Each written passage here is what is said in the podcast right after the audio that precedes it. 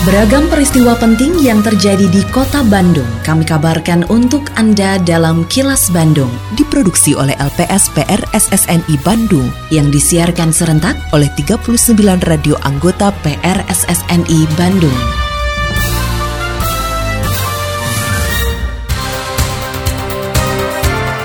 Sejumlah informasi aktual kami hadirkan untuk Anda dan inilah informasi utamanya. Lima kecamatan di kota Bandung rawan pohon tumbang. Kampung siaga bencana bakal dibentuk di dua kecamatan. RSHS tangani 12 pasien gagal ginjal akut. Saya Santika Sari Sumantri, inilah kilas Bandung selengkapnya.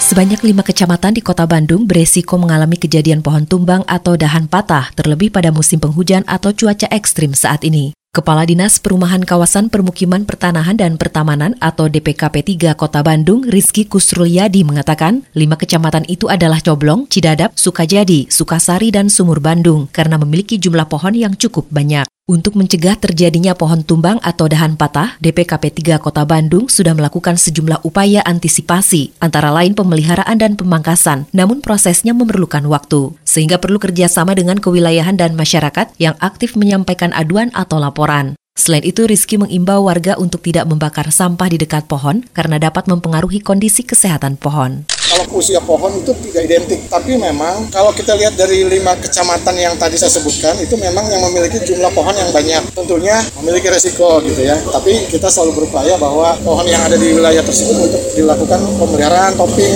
dan sebagainya. Yang sering terjadi itu adalah pembakaran sampah ya. Kita berharap mudah-mudahan tidak ada lagi kegiatan membakar sampah di dekat pohon karena ini sangat berdampak kepada kesehatan pohon. Pemerintah Kota Bandung melalui Dinas Sosial berencana membentuk kampung siaga bencana di dua kecamatan, yaitu Mandala Jati dan Ujung Berung pada tahun 2023 mendatang. Kepala Dinas Sosial Kota Bandung, Sony Bahtiar, mengatakan kampung siaga bencana akan melibatkan seluruh masyarakat termasuk perangkat daerah di wilayah tersebut, sehingga dapat mempersiapkan penanganan mulai dari sebelum, saat, dan sesudah terjadinya bencana. Sony berharap secara bertahap setiap kecamatan di kota Bandung dapat memiliki kampung siaga bencana sebagai upaya untuk mitigasi bencana. Kenapa pilihannya lokasi itu? Mungkin masih ingat ya kejadian banjir bandang yang terjadi di wilayah Kecamatan Mandala Jadid dan juga Kecamatan Ujung Berung. Tentu ini butuh kesiapsiagaan dari warga-warga atau wilayah-wilayah. Kesiapsiagaan itu kita tunjukkan dengan kita membentuk kampung siaga bencana. Jadi suatu saat apabila kita terjadi bencana di sana, maka warga masyarakat masyarakat sudah tahu apa yang harus dilakukan sehingga tidak ada istilah warga masyarakat tidak siap. Masyarakat itu sendiri dulu, lingkungan itu sendiri dulu kita edukasi. Forum Tanggung Jawab Sosial Perusahaan atau Forum TJSL Kota Bandung mengkoordinasikan potensi seluruh dunia usaha di Kota Bandung yang meliputi BUMN, BUMD, termasuk perusahaan swasta dalam menyalurkan bantuan TJSL atau CSR-nya. Dalam rapat kerja yang berlangsung pada Rabu kemarin, Ketua Forum TJSL Kota Bandung, Binsar Naipospos, meminta dunia usaha yang akan menyalurkan TJSL atau CSR untuk berkoordinasi dengan Forum TJSL Kota Bandung agar bantuan terkoordinasi dan tepat sasaran. Adapun prioritas program Forum TJSL selaras dengan program isu strategis prioritas Kota Bandung, di antaranya Bandung Juara, Citarum Harum, Germas, dan Kang Pisman prinsipnya perusahaan swasta atau BUMN yang hendak melaksanakan tanggung jawab sosial dan lingkungannya ke masyarakat harus berkoordinasi dengan forum TJSL. Nanti forum TJSL akan membantu mendata kemudian melaporkan ke Pak Wali Kota. Jadi forum ini akan mengumpulkan data, mengumpulkan informasi, membantu perusahaan, membantu swasta, membantu dunia usaha untuk bisa mengkomunikasikan ke Pak Wali Kota. Assalamualaikum warahmatullahi wabarakatuh. Sampurasun. Dalam rangka meningkatkan promosi pariwisata, Disput Park Kota Bandung selalu menghadirkan informasi terkini dengan beberapa media yang digunakan untuk Instagram Live dilakukan setiap hari pada Instagram TIC.Bandung. Untuk siaran radio reguler setiap hari Jumat pukul 13 waktu Indonesia Barat. Untuk konten, foto, video, dan konten lainnya ada pada Instagram TIC.Bandung. Buat Anda yang ingin mencari informasi secara langsung, dapat langsung mengunjungi kantor turis Informasi Center di empat lokasi. Lokasi satu di kawasan Masjid Raya Bandung, Jalan Asia Afrika nomor 78, lokasi 2 di kantor reservasi kawisata Stasiun Kereta Api Bandung, lokasi 3 di Bandara Hussein Sastra Negara, dan lokasi 4 di Salapak Microshop Jalan Insinyur Haji Juanda nomor 10A Bandung. Mari dukung kemajuan pariwisata di Kota Bandung dengan follow Instagram di ic.bandung. Atur nuhun. Wassalamualaikum warahmatullahi wabarakatuh. Iklan layanan masyarakat ini dipersembahkan oleh Dinas Kebudayaan dan Pariwisata Kota Bandung. Hai wargi Bandung, kamu tahu nggak kalau Bandung Smart City sekarang punya aplikasi Bandung Super Apps namanya Sadayana atau Semua Digital Layanan Kota. Nah, ada menu apa aja sih di Bandung Sadayana? Kamu bisa mendapatkan berbagai layanan publik, forum Smart City, marketplace, kalender event, CCTV publik, open data, informasi COVID-19, virtual event, info kegawat daruratan 112 bisa didapatkan di aplikasi ini. Wih, keren banget nggak sih? Setiap user akan tergabung menjadi bagian dari Bandung Smart City Forum dan dapat mengakses berbagai layanan publik dari pemerintahan Kota Bandung. Jadi, kuy, buruan download ya. Untuk informasi lebih lanjut, kamu bisa kunjungi website www.smartcity.bandung.go.id atau download aplikasi Bandung Smart City di Google Play dan WhatsApp Bandung Smart City di 0811 259 1810. Bener-bener deh Bandung Super Apps, satu platform untuk beragam kebutuhan. Pesan ini disampaikan oleh Diskominfo Kota Bandung.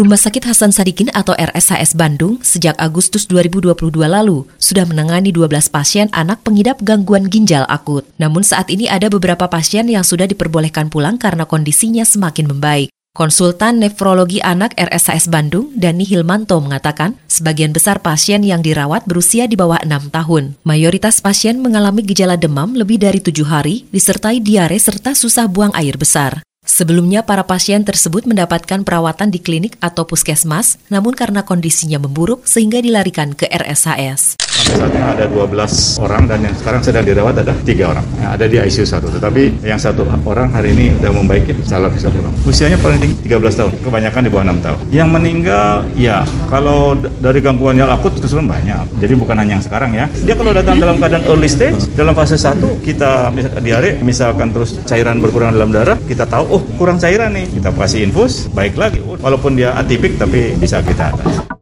Sebanyak 140 proposal dari 60 perguruan tinggi di seluruh Indonesia mengikuti Panah Merah Innovation Awards atau PMIA 2022. PMIA merupakan program tahunan yang digelar sejak tahun 2015 oleh PT East West Seed Indonesia atau Ewindo sebagai bentuk komitmen untuk secara berkelanjutan mendorong semangat inovasi guna meningkatkan daya saing ekonomi. Managing Director Ewindo, Glenn Pardede mengatakan, dari keseluruhan peserta tersebut akan dipilih 10 peserta terbaik yang kemudian lima besar terbaik akan diundang ke perusahaan untuk mengikuti babak final dan mempresentasikan hasil karyanya. Ini sudah tahun kelima. Tahun ini ada 140 proposal yang sudah masuk dari 60 kampus. Jadi ini cukup karena sudah kami lakukan secara berkala setiap tahun sehingga sudah mulai dikenal gitu sebagai sebuah kegiatan yang kayaknya kampus-kampus bisa ikut. Sebenarnya kalau kampus kan jelas punya banyak sekali research yang ada di kampus.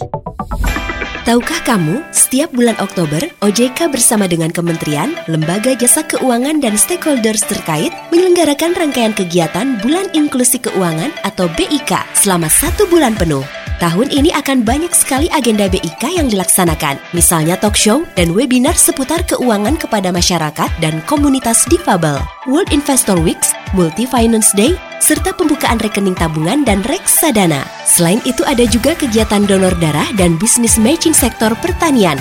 Nah, puncaknya nanti akan digelar pasar rakyat yang tentunya memamerkan produk keuangan serta berbagai macam kuliner dan produk UMKM. Makin penasaran kan? Pantau terus Instagram kami di @ojk underscore Jawa Barat ya. Yuk kita ramaikan keseruan BIK. Inklusi keuangan meningkat, perekonomian semakin kuat. Pesan ini disampaikan oleh OJK Jawa Barat. Kini, audio podcast siaran Kilas Bandung dan berbagai informasi menarik lainnya bisa Anda akses di laman kilasbandungnews.com. Lindungi diri dari COVID-19 dengan selalu memakai masker saat beraktivitas dan berinteraksi. Tetap patuhi protokol kesehatan untuk mencegah penularan virus corona karena pandemi belum usai. Terima kasih Anda telah menyimak kilas Bandung yang diproduksi oleh LPSPR SSNI Bandung.